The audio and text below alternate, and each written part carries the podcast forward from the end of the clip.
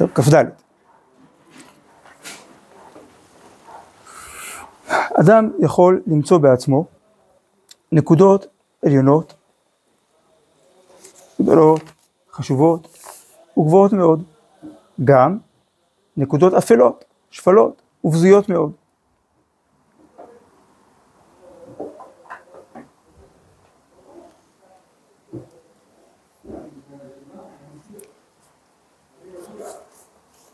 אם אדם מסתכל בעצמו, כן, נמצא בעצמו, זה כאילו בהסתכלות אובייקטיבית, מסתכל על עצמו מבחוץ, הוא יכול למצוא בעצמו צד האמת, גם נקודות עליונות, אבל בתוך כל, באישיות של כל אחד מאיתנו יש צדדים נשגבים, טהורים, מופלאים, ובאישיות של כל אחד מאיתנו יש גם דברים עלובים, מגוחכים, בזויים, גם וגם.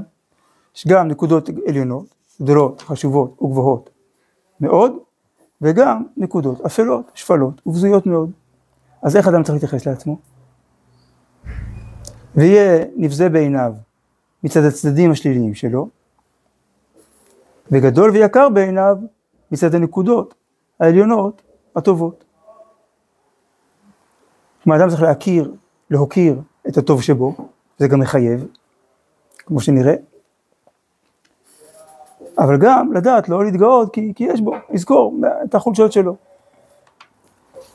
דרך אגב, כתוב על, על אחרים, כתוב במסכת דרך ארץ רבה, לעולם יהיו כל בני אדם חשובים לפניך כליסטים, וימים מכבדן כרבן גמליאל. כלומר, פוגשים מישהו, אז צריך לזכור שיש מצב ש... שרוצה לפגוע בי, צריך לקחת את זה בחשבון, אבל צריך לכבד אותו כאילו הוא גדול הדור ונשיא ישראל.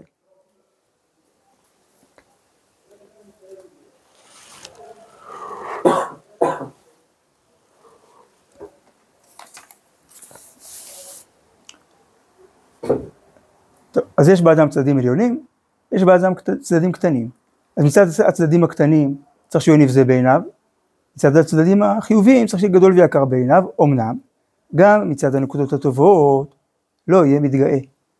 זה שאדם גדול ויקר בעיניו, הוא אומר באמת אני בן אדם חשוב, יש ערך לחיים שלי בעולם, זה לא סיבה להתגאות. אדרבה, ימלא גם על ידן ענוות רוח, אז אין קץ.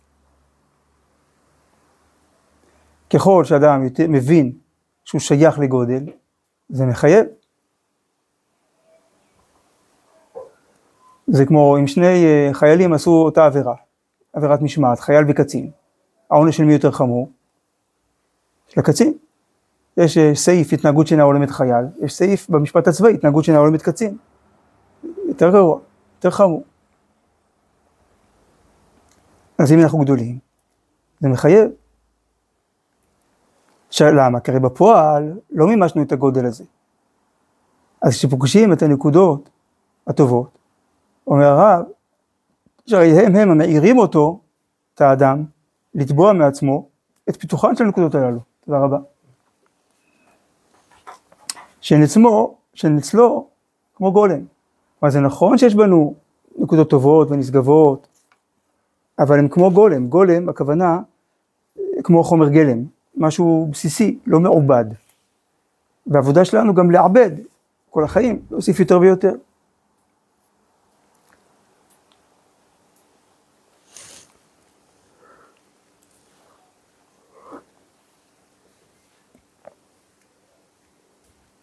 ברוך אתה אדוני אלוהינו מלך העולם שהכל מזרחו.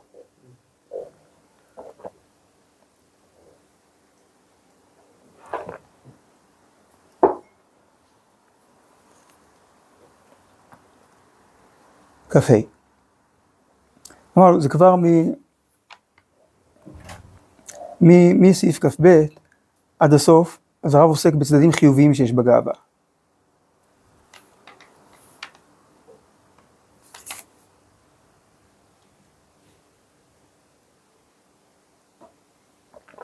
אבל בתוך הגאווה צריך שזה תהליך של ברירה עדינה, כירורגית. שגם פה להיות מודע, אז בכ"ד שלמדנו עכשיו, שגם מצד הנקודות הטובות לא להתגאות, אבל שיהיה גדול ויקר בעיניו. עכשיו בכ"ח, בסעיף כ"ה יש עוד בחינה כזאת, של להבחין בתוך משהו שדומה לגאווה, אבל לא באמת גאווה, אלא להפך. כ"ה, בחינה גדולה, בחינה זה התבוננות, או מבחינה מסוימת, אספקט מסוים, צורת התבוננות מסוימת, כמו אתה מבחין שיש שם, כך וכך. בחינה גדולה צריך לבחון כל מעמיק במסתרי נפשו ברגש הגאווה, איזהו הרגש הפסול, המעביר את האדם על דעתו ועל דעת קונו. שאמרנו, הגאווה היא הטיפשות היותר פראית. הגאה בעצם נהיה מטרולל, כאילו לא קולט, נהיה הזוי, גם שהוא חולה בגאווה. ועל דעת קונו, כמובן, כי אמרנו כל המתגאה כאילו עובד עבודה זרה. הרי אם אדם זוכר שהוא מול השם, אז הוא לא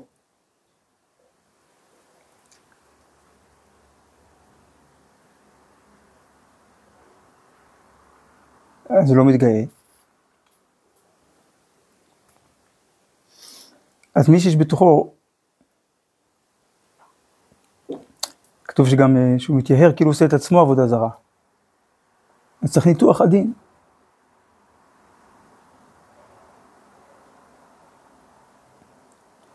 אז צריך להבחין איזו הרגש הפסול, מעביר את האדם על דעתו ועל דעת קונו, ואיזו הרגש העדין, המרחיב דעתו של אדם, ומזכירהו את הווייתו הרוחנית. מה כתוב אצלכם? ומזכירהו את? כתוב הווייתו, יופי, היו, היו, היו מהדורות שזה היה משובש. ומזכירהו את הווייתו הרוחנית, המלאה הוד ותפארת. אז יש רגל גאווה פסול, רגש גאווה פסול. כמו פסל, חלקי. יש רגש עדין שהוא מחובר לפנימיות, לעומת אה, בסעיף ט', שהזכרנו, הרב אומר, אגב היא הטיפשות היותר פראית. אז לעומת הפראות, ההפך מפראות זה עדינות. המרחיב דעתו של אדם.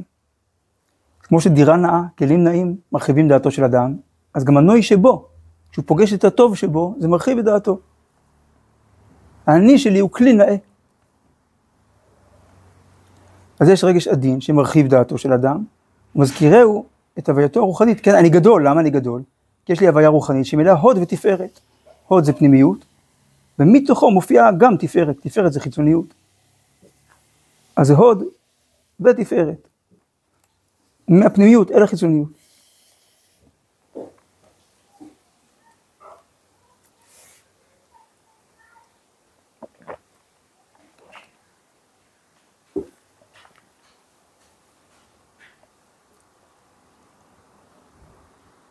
אז עכשיו הבירור. פעמים רבות, ליבו של אדם מלא עוז, שלפי הסקירה הראשונה, כלומר במבט שטחי ראשוני, תהיה דומה התמונה של תכונה זו, כלומר הדימוי הנפשי הראשוני כלפיה בנפש, לתמונה של גאווה. זה נראה כמו בגאווה. אבל אחרי הבירור, שזה בשכל, באופן יותר פנימי, יותר מדויק, ימצא שהוא רק מתמלא אומץ באור האלוהי, הזורח בנשמתו. זה לא הוא, האני, הגאווה, אלא ההבנה, כאילו הנשמה שלי זורח בנשמתו, הנשמה היא כמו מראה, הוא חוזה, חוזה כמו חזיין, זה מראות, ברש"י, תרגום, סליחה, באונקלוס.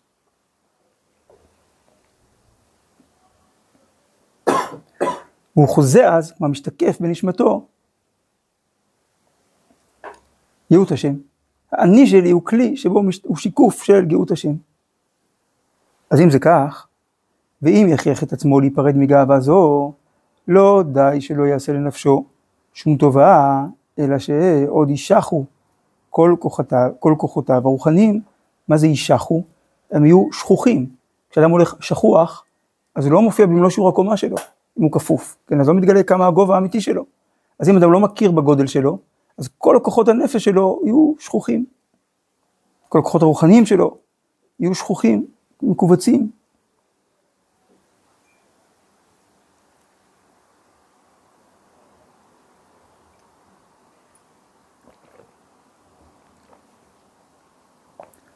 ובחמת עצבות ילך קודר, שכוח, קודר, קדרות זה עננים.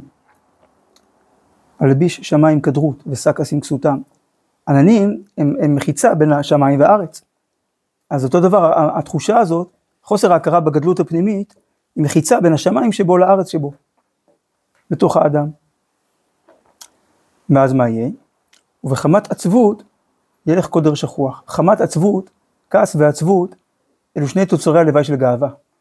אם אתם זוכרים, דיברנו על זה בהתחלה, שמי שענב לא כועס, וענב לא עצוב. כי אם אדם יודע שהכל משמיים, אז מה יש לכעוס? מה יש להיות עצוב?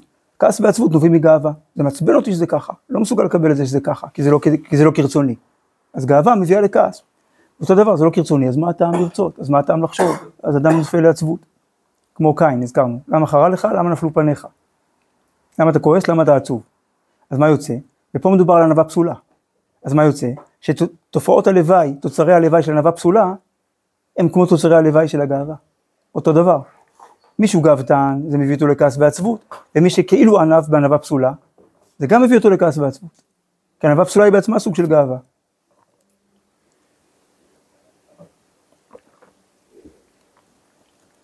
רק שהוא פה מרמה את עצמו, מטעה את עצמו, ובדעתו יחשוב שהצורה של הדכאות, שהוא כזה קטן ומסכן ועלוב, היא קרבת אלוקים, בשעה שהיא באמת הרחקה ונסיגה לאחור, כי עוז וחדווה במקומו.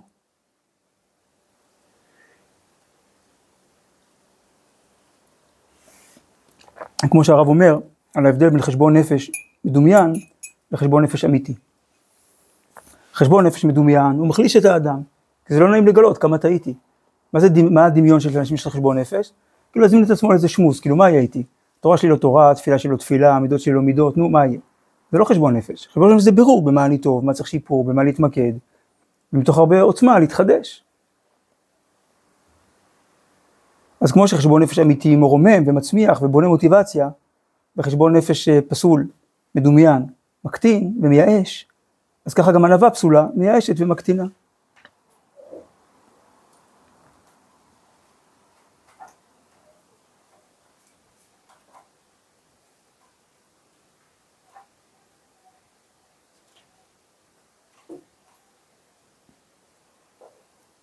עוז וחדווה במקומו. אז אדם שהוא נמצא במקומו, נמצא בקרבת אלוקים, הוא מרגיש עוז וחדווה, מרגיש עוצמה, מרגיש שמחה.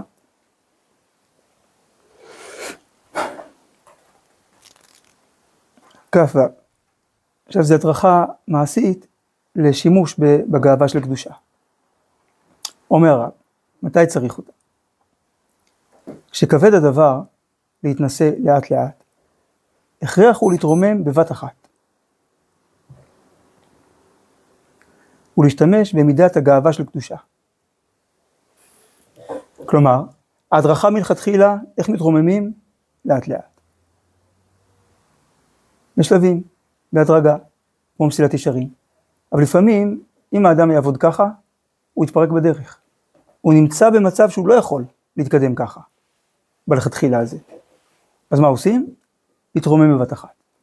או שאם יש הפרעות בקצב הלב, אז אם יש זמן, אז נותנים תרופות שלאט לאט מסדרות את קצב הלב. אבל לפעמים זה עכשיו בעיה קשה, אז מה עושים? מכת חשמל. זה שוק ש- שמחזיר את הלב לקצב שלו. כי הרי הלב גם עובד על זרמים חשמליים. לפעמים מרפאים בכזה או כמו נגיד לאדם חסר המון, נגיד שהוא היה, היה חסר לו איזה משהו בגוף, איזה אנזים או משהו בגוף, ועכשיו הוא סובל מזה, מגיע למצב של פיקוח נפש, אז, אז, יש, אז במצבים רגילים יש מינון של תרופה, מינון יומי, אבל אה, כיוון שהוא במצב כזה קשה, נותנים לו בבת אחת מינון ענק של הדבר הזה, כי עכשיו כל כך חסר לו, שהוא צריך המון. אז אותו דבר, אדם ש... שהוא נמצא, שהוא מרוסק, שהוא עלוב, שהוא מסכן, שקשה לו להתרומם, אז צריך להשתמש בגאווה של קדושה. בתרופה כזאת עוצמתית, שלהגיד מה פתאום, איזה שטויות, אני גדול, אני חזק, אני שווה המון. אז הוא צריך, במצבים האלה, הוא צריך להשתמש במידת הגאווה של קדושה. אבל כמובן, הוא משתמש בה, בצורה יזומה, ככה עם יד על הווליום, בדיוק כמה כן וכמה לא. כן, הוא לא נסחף אחרי זה.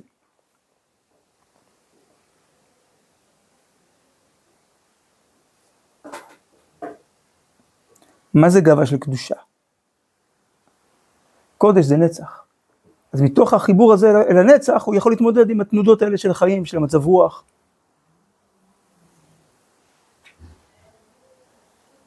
ולהשקיף על עצמו בעין טובה מאוד.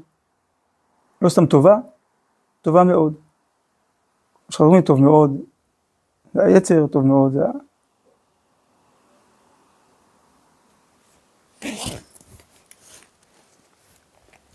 מה טוב מאוד זה להבין את המקום של דברים שלכאורה אין להם מקום.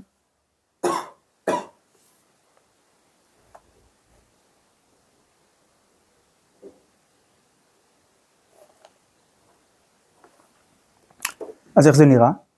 שהוא נותן לעצמו מקום לגמרי. ואז הוא יגיד לעצמו, רגע, ויש לי המון חסרונות.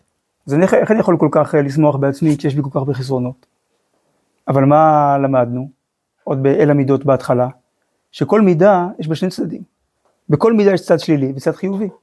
אז אם אדם, אז אם אדם באמת מגיע למצב שהוא, שהוא צריך את האמון העצמי הזה, בגדול, ואז הוא מגלה שיש בו חסרונות, אז מה הוא צריך לעשות? אומר הרב, ולמצוא את הצד הטוב שיש גם בכל מקראותיו. כן, זה לא שאני כעסן, אני מאוד אכפתי. אז נכון שכרגע זה יוצא גם בצורה של כעס, אבל האכפתיות הזאת היא טובה, אני לא מוותר עליה.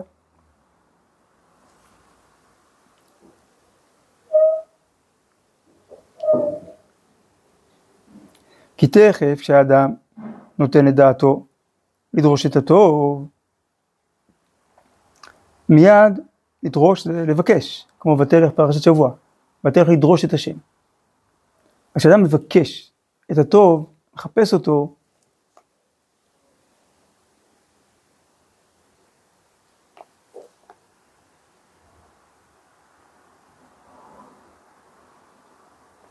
מיד מתהפכים כל חסרונותיו לטוב. כי אם אדם יודע שהוא מחובר מהטוב, הוא מחפש את הטוב, אז גם החסרונות הם טוב שבהופעה שלו כרגע משובש. אבל צריך להחזיק אותו, לאזן אותו. אבל מיד מתהפכים כל חסרונותיו לטוב, ויכול האדם למצוא בעצמו רוב טוב מאוד. ואז ישמח בטובו מאוד. אז כמו שאמרנו, כתוב פה כבר שלוש פעמים, טוב מאוד. לא טוב, טוב מאוד. ואז ישמח בטובו מאוד, כלומר בטוב מאוד הזה שיש בו, שזה הרע שנהפך לטוב. כי שמחה זה נביאת חיים פנימית.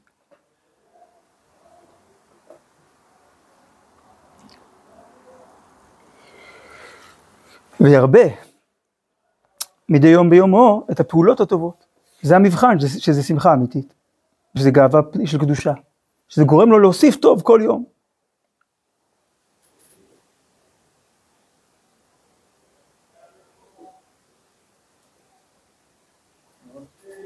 אפשר לומר שטוב מאוד זה הרע שהופך לטוב, זה הסיבה שיצא רע כן.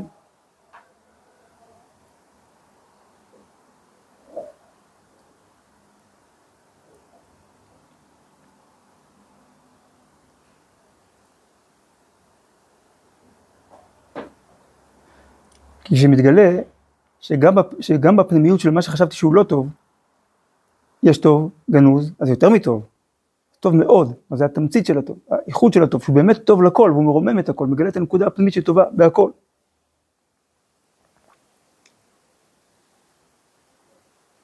ואז ישמח בטובו מאוד, וירבה מדי יום ביומו את הפעולות הטובות בלב טהור ומלא תקוות ניחומים.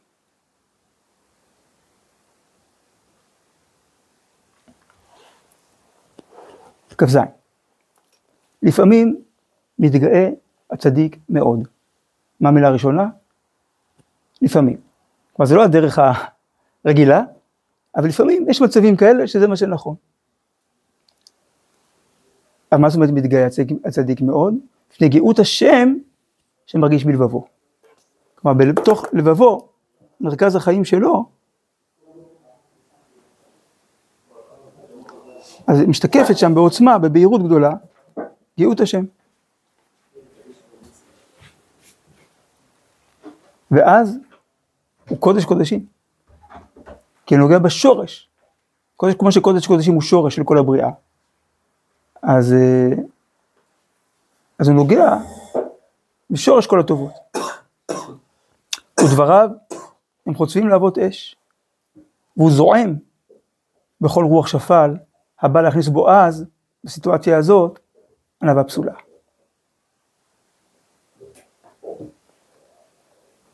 מה זה זועם? כמו סכום זעום, הכוונה קטן, כן, זעם זה הקטנה. אז הוא זועם, הוא מקטין את הערך, הופך אותו לזעום של כל, כל רוח שפל, הבא להכניס בו אז ענווה פסולה. כי אז הענווה הזאת היא מקטינה את הגודל הזה, אז היא פסולה. וגאווה זו היא מולט בענווה. כלומר התוכיות שלה, המילוי שלה, הוא ענווה. היא כשלעצמה גאווה, אבל היא, אבל, היא, אבל היא מסגרת. הגאווה שברמה הזאת, באיכות הזאת, היא מסגרת. ובפנימיות שלה יש ענווה. כמו שאמרנו, זה גאות השם. השם מלאך, גאות, לבש. אז הגאות היא לבוש, אבל עצם הבריאה היא ענווה. שמשהו מתעסק איתנו, שהאין סוף בורא עולם חלקי, זה ענווה. במקום גזולתו, שם אתה מוצא איתנותו. אז הגאווה הזאת היא בעצמה ממולאת בענווה, הממוזגת בגבורה, כמו שאמרנו, עוז, בגבורה ושמחה. באהבת נצח לכל. גבורה ושמחה ביחד, אמרנו, יסיס כגיבור, עוז וחדווה במקומו. באהבת נצח זה לא רק סימפתיה במובן החברתי, אלא אהבה שנובעת ממבט של נצח, כמו גאווה של קדושה שאמרנו, שזה גאווה שקשורה לשורש נצחי. גאוותן גם מחפש חברים, אבל, אבל הוא לא אוהב אותם, אוהב את עצמו, הוא רוצה שהם אה, כן, אה, יעריצו אותו. אבל כאן יש אהבת נצח לכל, אהבה לשמה.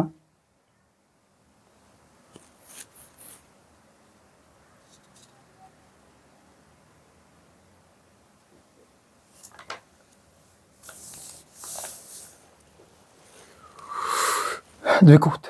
אדרון הלך גאווה, הלוואי שנזכה, וכולי, כמו שאמרנו, שכל החיים צריך לעבוד על הגאווה. כל אדם מרגיש את עצמו, לא בתור uh, כלי של רצון השם, אז יש לו מה לעבוד.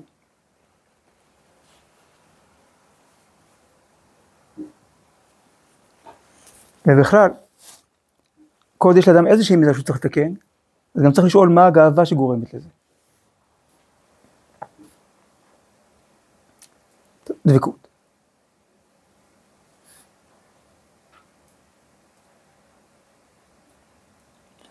א', מלמדת היא לנו, החוכמה האלוהית, את המידות, את הספירות האלוהיות, כדי לדעת שבמידותיו של הקדוש ברוך הוא, אנו צריכים להידבק. פה יש הבחנה חשובה. יש את עצמותו של הקדוש ברוך הוא, ויש את מידותיו, כלומר את אופני ההתגלות שלו. את עצמותו של הקדוש ברוך הוא, אין נברא שיכול להכיר. לא רק בן אדם, אפילו מלאך הכי גדול לא יכול להכיר את עצמותו של הקדוש ברוך הוא. למה? כי הוא שלם, וכל נברא במהותו הוא חלקי. אז החלק לא יכול להבין את השלם. אז אין תשובה לשאלה מה זה אלוקים. עצם השאלה כבר מקפיצה את הפיוז נהיה חושך. אי אפשר להבין את מהות האלוקות. אפשר כן וצריך להבין את ההתגלות שלו. כי הוא, הוא לא רוצה, נכון שהוא לעילא ולעילא, כמו שאמרנו, כמו שאומרים בקדיש.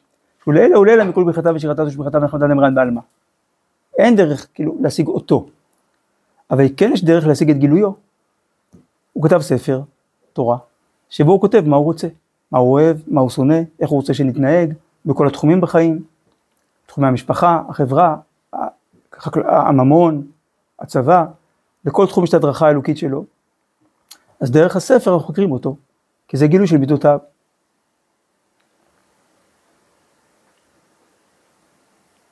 אולי נקרא את, ה, את המשפט האחרון בדבקות.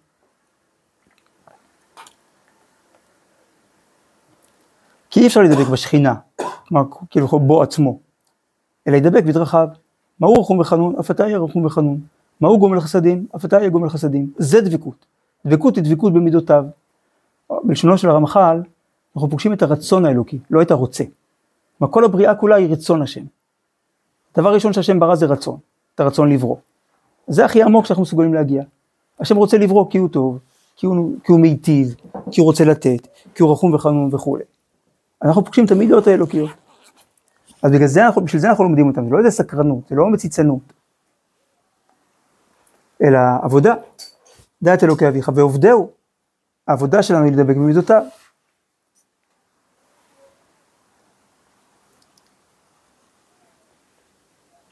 אז המידות הן בסיס לעבודת השם. עכשיו הרב אומר את אותו דבר בסעיף ב' על דרך השלילה. אם אין אנו מכירים שכל עיקר הצורך, עיקר זה שורש, מקורי ניקת החיות, אם אין אנו מכירים שכל עיקר הצורך לתלמודם של השמות, של המידות ושל הספירות, וכדי שנדע שאנו צריכים להידבק במידותיו של מקום, ושאנו יכולים להידבק בהם, ושאין לנו יכולים להידבק בגבורה של מעלה בלא השאיפה למידותיו, אם אין אור זה פרוס לפנינו, כלומר, עוד פעם, למה יש לנו אפשרות, הרי אנחנו נבראים, כמו שאמרנו, חלקיים. למה השם נותן לנו את האפשרות להכיר את דרכיו? כדי שנדע שאנחנו צריכים להידבק במידותיו של מקום. אם אנחנו צריכים, סימן שאנחנו יכולים, כי כזה שהוא לא בא בטרוניה בריאותיו. ולהפך, שאין דרך אחרת. כי כל מה שהקדוש ברוך הוא יוצר זה כי חייב להיות ככה. זה לא הסבר אפשרי, זה הסבר הכרחי כביכול.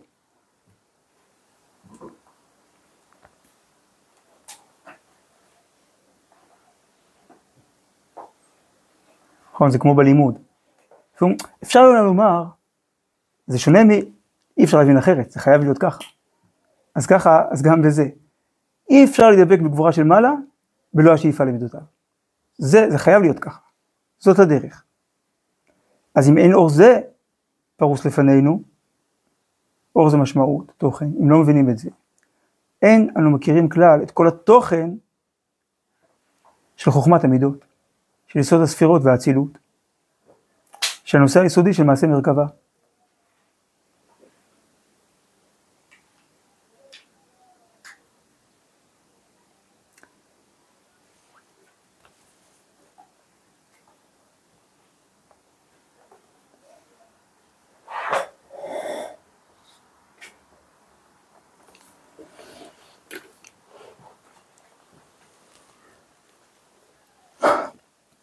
כלומר העניין זה לא להגיד מילים על הקדוש ברוך הוא. ש...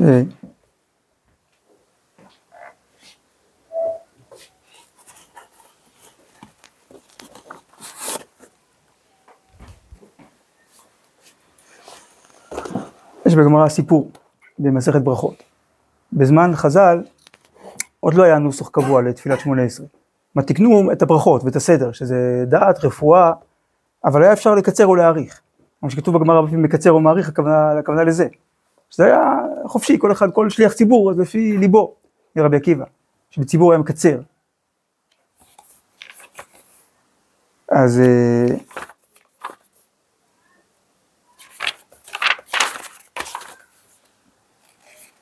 אז יש בגמרא סיפור.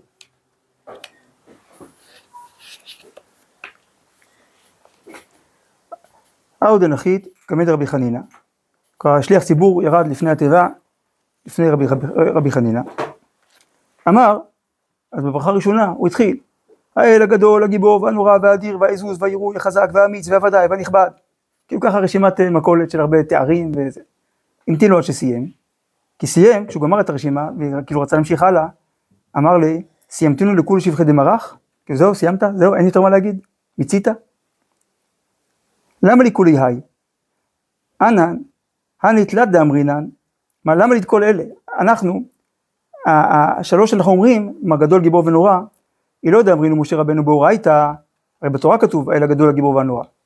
ועטו אנשי כנסת הגדולה ותקנינו בתפילה, לא, לא אבין אני יכול, יכולים למי אמר לו, גם את זה לא היינו יכולים להגיד.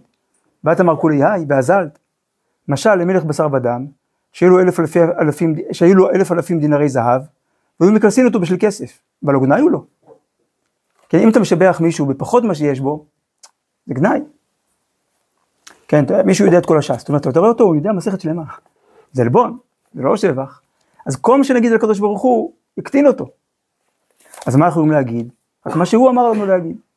אבל מצד עצמנו, כתוב זה רש"י בשירת הים, מביא את חז"ל, הפסוק שאומרים אה, בתפילה כל יום, גם בערב, מי כמוך בא אלים השם, מי כמוך, נהדר בקודש, נורא תהילות אוסף אלה. מה זה נורא תהילות?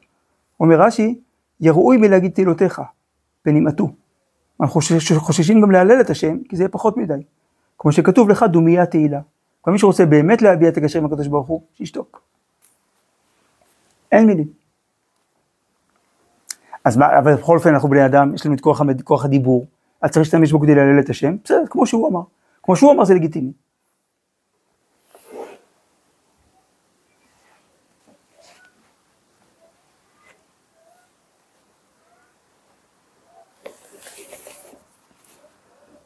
אז מי שלא, אז עוד פעם. אז אנחנו לא עסוקים בשמות ובספירות ובזה כמו איזה אלפון כזה של אלפון של העולמות, איזה אינדקס של כל אה, מערכת העולמות. לא זה לימוד פנימיות. לימוד פנימיות באמת זה לדבוק במידותיו של הקדוש ברוך הוא, להבין את דרכי התגלותו, כדי להתנהל ככה אנחנו בחיים שלנו. יש אה, בדיחה כזאת על שני אה, לומדי קבלה, שבליל הסדר יש הרבה כוונות בקבלה בכל שלב, של תיקון העולמות משלב לשלב, אז שניהם למדו תקופה ארוכה לפני ליל הסדר, למדו את הכוונות של ליל הסדר. עכשיו למחרת ליל הסדר נפגשו. אחד שואל את השני, נו איך היה, כי כיוונת? הוא אומר, תשמע, אגיד לך את האמת, עם כל העייפות והבלגן והילדים וכל הטרחות של ליל הסדר, לא הצלחתי לכוון. אז כיוונתי רק דבר אחד, שיש ריבונו של עולם ואני רוצה לעשות את רצונו. והשני אומר, אוי, אני כבר כיוונתי את כל הכוונות ושכחתי שיש ריבונו של עולם. אז הכל כאילו טכניקה.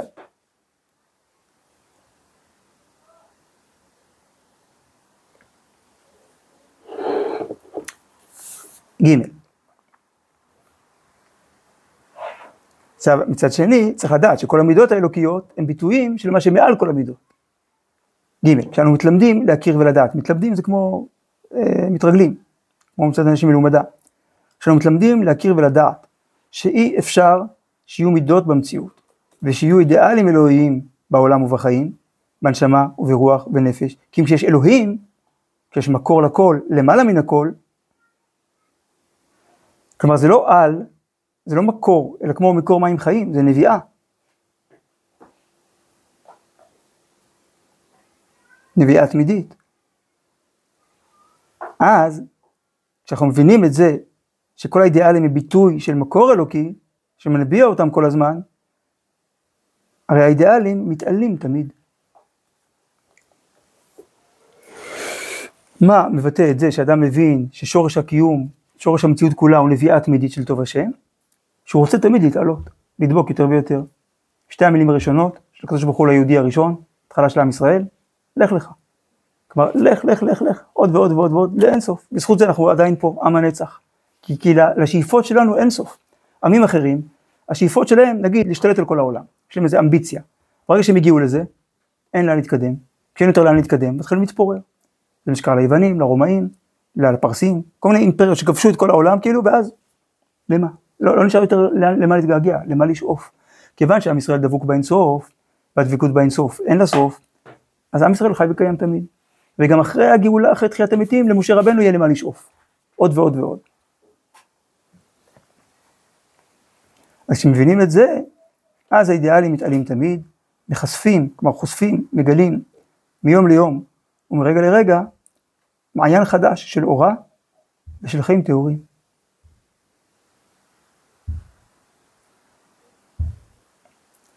אדרבה, כל יום מוסיף עוד.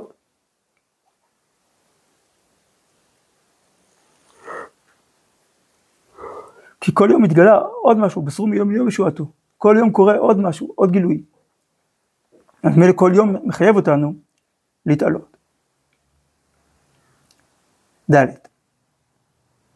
באידיאלים האלוהיים צריכים להידבק, ולהם אנו צריכים לשאוף תמיד. למלאותם בחיים. כלומר, מה ממלא אותם? מה המילוי? זה כמו אותיות חלולות, כמו קווי מתאר, שאנחנו אחראים על המילוי שלהם. איך ממלאים אותם? בחיים, ברעיון, ובפועל, ובציור, מה גם במחשבה, גם בעשייה, גם בדמיון, בפרט ובכלל. איך שואפים? בכל העיווי ובכל השקיקה היותר אדירה ויותר מתמידה שלנו.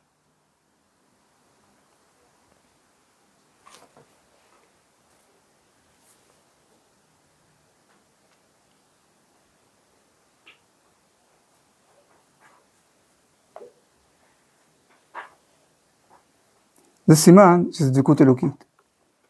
בטבע אי אפשר להיות בשיא העוצמה כל הזמן.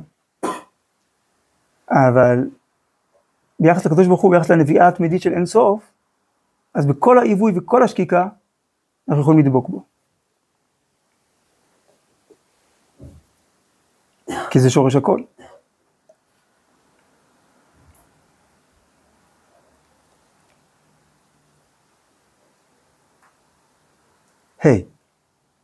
ושוב, ד' זה על דרך החיוב, וה' זה על דרך השלילה. אי אפשר להינצל משמץ של עבודה זרה, כי אם על ידי השינון, שהדבקות של ואתם הדבקים השם לוקחים חיים כולכם היום, היא הדבקות במידותיו של הקדוש ברוך הוא. אם אין את ההבנה הזאת, שידבק במידותיו, זה שמץ של עבודה זרה. למה? כי מה זה עבודה זרה? עבודה זרה היא צורה, פסל. כתוב שמלאכה כי לא ראיתם כל תמונה.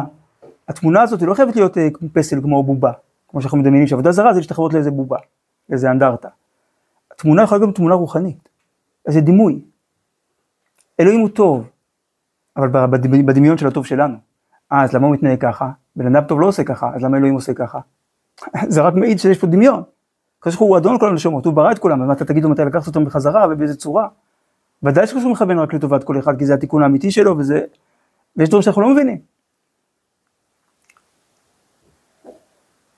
אבל אם אדם, זה מביא אותו נגיד למרוד, לכפור, סימן שמראש את מי הוא עבד? את אלוהים שהוא המציא לעצמו. זה עבודה זרה.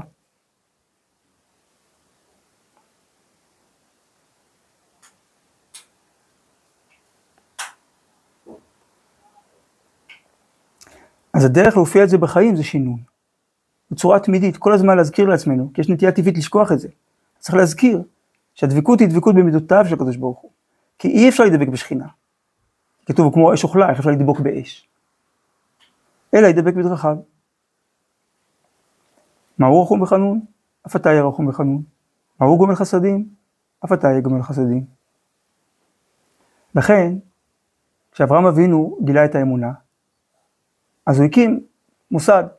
מה המוסד שהוא הקים? לא איזה מכון לתיאולוגיה, כן, לפילוסופיה של הדת, אלא מקום של הכנסת אורחים וגמילות חסדים. למה? כי, כי הוא הבין שלהיות דבק בהשם זה לדבוק במידותיו. מה מידותיו של הקדוש ברוך הוא? רחום וחנון. אז איך אדם דבק בהשם? זה שהוא נהיה רחום וחנון. כשאדם מבין שהשם ברא את, את הכל כי הוא טוב לכל, אז מה האדם הזה רוצה להיות? טוב לכל, אפילו לסדום. כמה שאפשר להציל, 50, 30, 40, כאילו כמה שאפשר. כי הוא רוצה להציל, כי הוא טוב לכל. טוב, לפעמים אי אפשר, משמידים את סדום.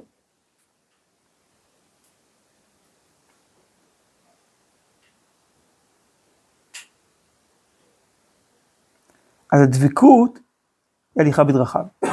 יש איזה פסוק בחומש דברים, פרק י"א, פסוק כ"ב, כתוב, ללכת בכל דרכיו ולדבקה בו. אז שם אומר הספרי, לא שם, כן, שם אומר הספרי, אלו דרכי הקדוש ברוך הוא. שנאמר השם השם, עת רחום וחנון וכולי. מה המקום נקרא רחום וחנון? אתה הווי רחום וחנון. זה דבקות.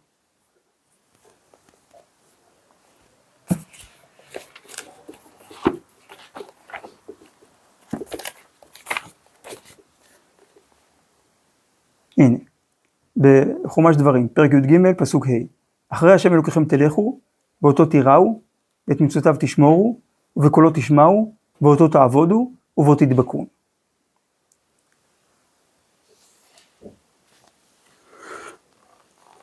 אז זה כל הגוונים של עבודת השם. אומר רש"י, ואת מצוותיו תשמורו, תורת משה, ובקולו תשמעו, בקול הנביאים, ואותו תעבודו, במקדשו, ובו תדבקון, ידבק בדרכיו. גמול חסדים, קבור מתים, בקר חולים, כמו שעשה הקדוש ברוך הוא. אז זה נקרא דבקות.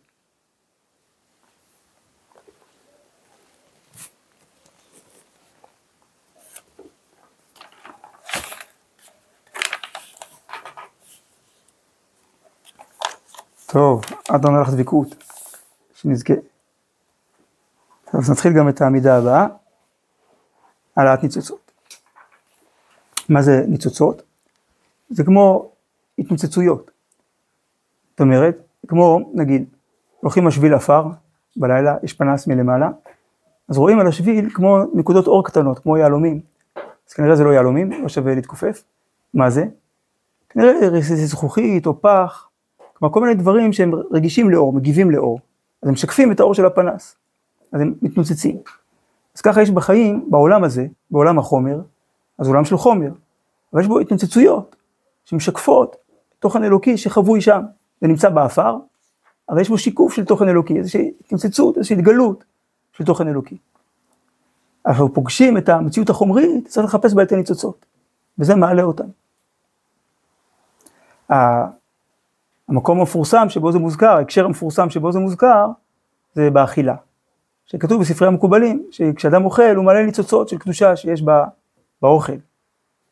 איך כתוב אה, גם פרשת עקב.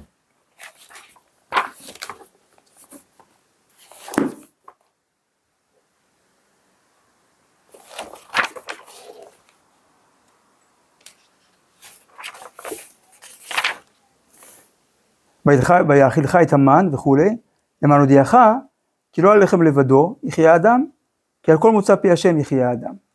אז האריזל מסביר שזה לא חלופות, מה זה לא לחם אלא מוצא פי השם, אלא לא על הלחם לבדו, הלחם כלחם, המטריה, הגלוטן, החיטה, אלא מוצא פי השם שבלחם, שזה הניצוצות.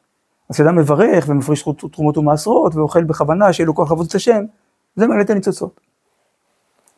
עכשיו, אומר הרב, א', כמו שיש ניצוצות באכילה, הכי נמי, כך גם בכל פעולה מפעולות אדם, והוא הדין בכל שמיעה וקריאה, כלומר גם, גם כל פעולה שאדם עושה, לאו דווקא מצוות.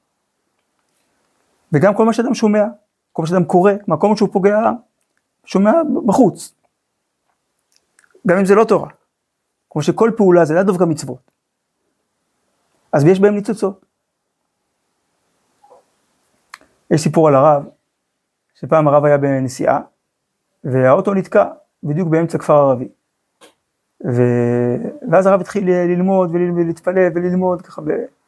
אז אמרו הרב יכול לנוח, אז הרב אמר לא, כי זה מקום שהוא בארץ ישראל, וכל מקום בארץ ישראל צריך שילמדו בו תורה, ופה לא לומדים הרבה תורה, אז זה הזמן, כמו שעכשיו, ברוך השם, בעזה, וקרוב בעזרת השם בעוד מקומות בדרום ארץ ישראל. אז עכשיו לומדים תורה, קוראים בתורה, מתפללים במניין, אז מעלים הרבה ניצוצות, המקומות האלה כמהים לקדושה.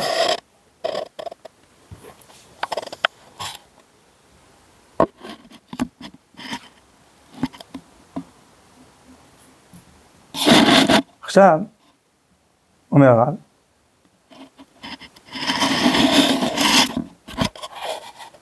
ולפעמים יש שענייני העולם הבאים ממרחקים הם משתלבים ועולים למרומי תורה. אשת חיל, ממרחק תביא לחמה. וישמעו רחוקים ויבואו, ויתנו לך כתר מלוכה, דווקא רחוקים. יש צד כזה, שדווקא זה, כזה, זה חידוש, שאפילו במקומות שנראים הכי רחוקים, אפשר להעלות דברים. כמו צדיקים ש, שגיירו ניגונים של גויים, את הניגונים שהגויים השתמשו בהם בשביל לבטא רגשות אנושיים, אז הפכו אותם לכלי קודש. אבל הרב כותב לפעמים. כאילו, לכן הרב אומר, והכל לשם שמיים בשקל הקודש, בפרופורציות. לא...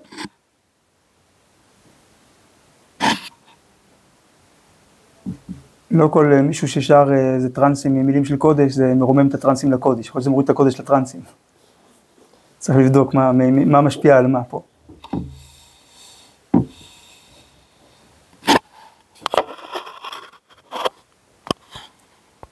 טוב, ואם אדם לא מצליח, אומר הרב, מנחם מאוד, ב', יותר מדי, אין לדאוג אפילו מאכילה גסה.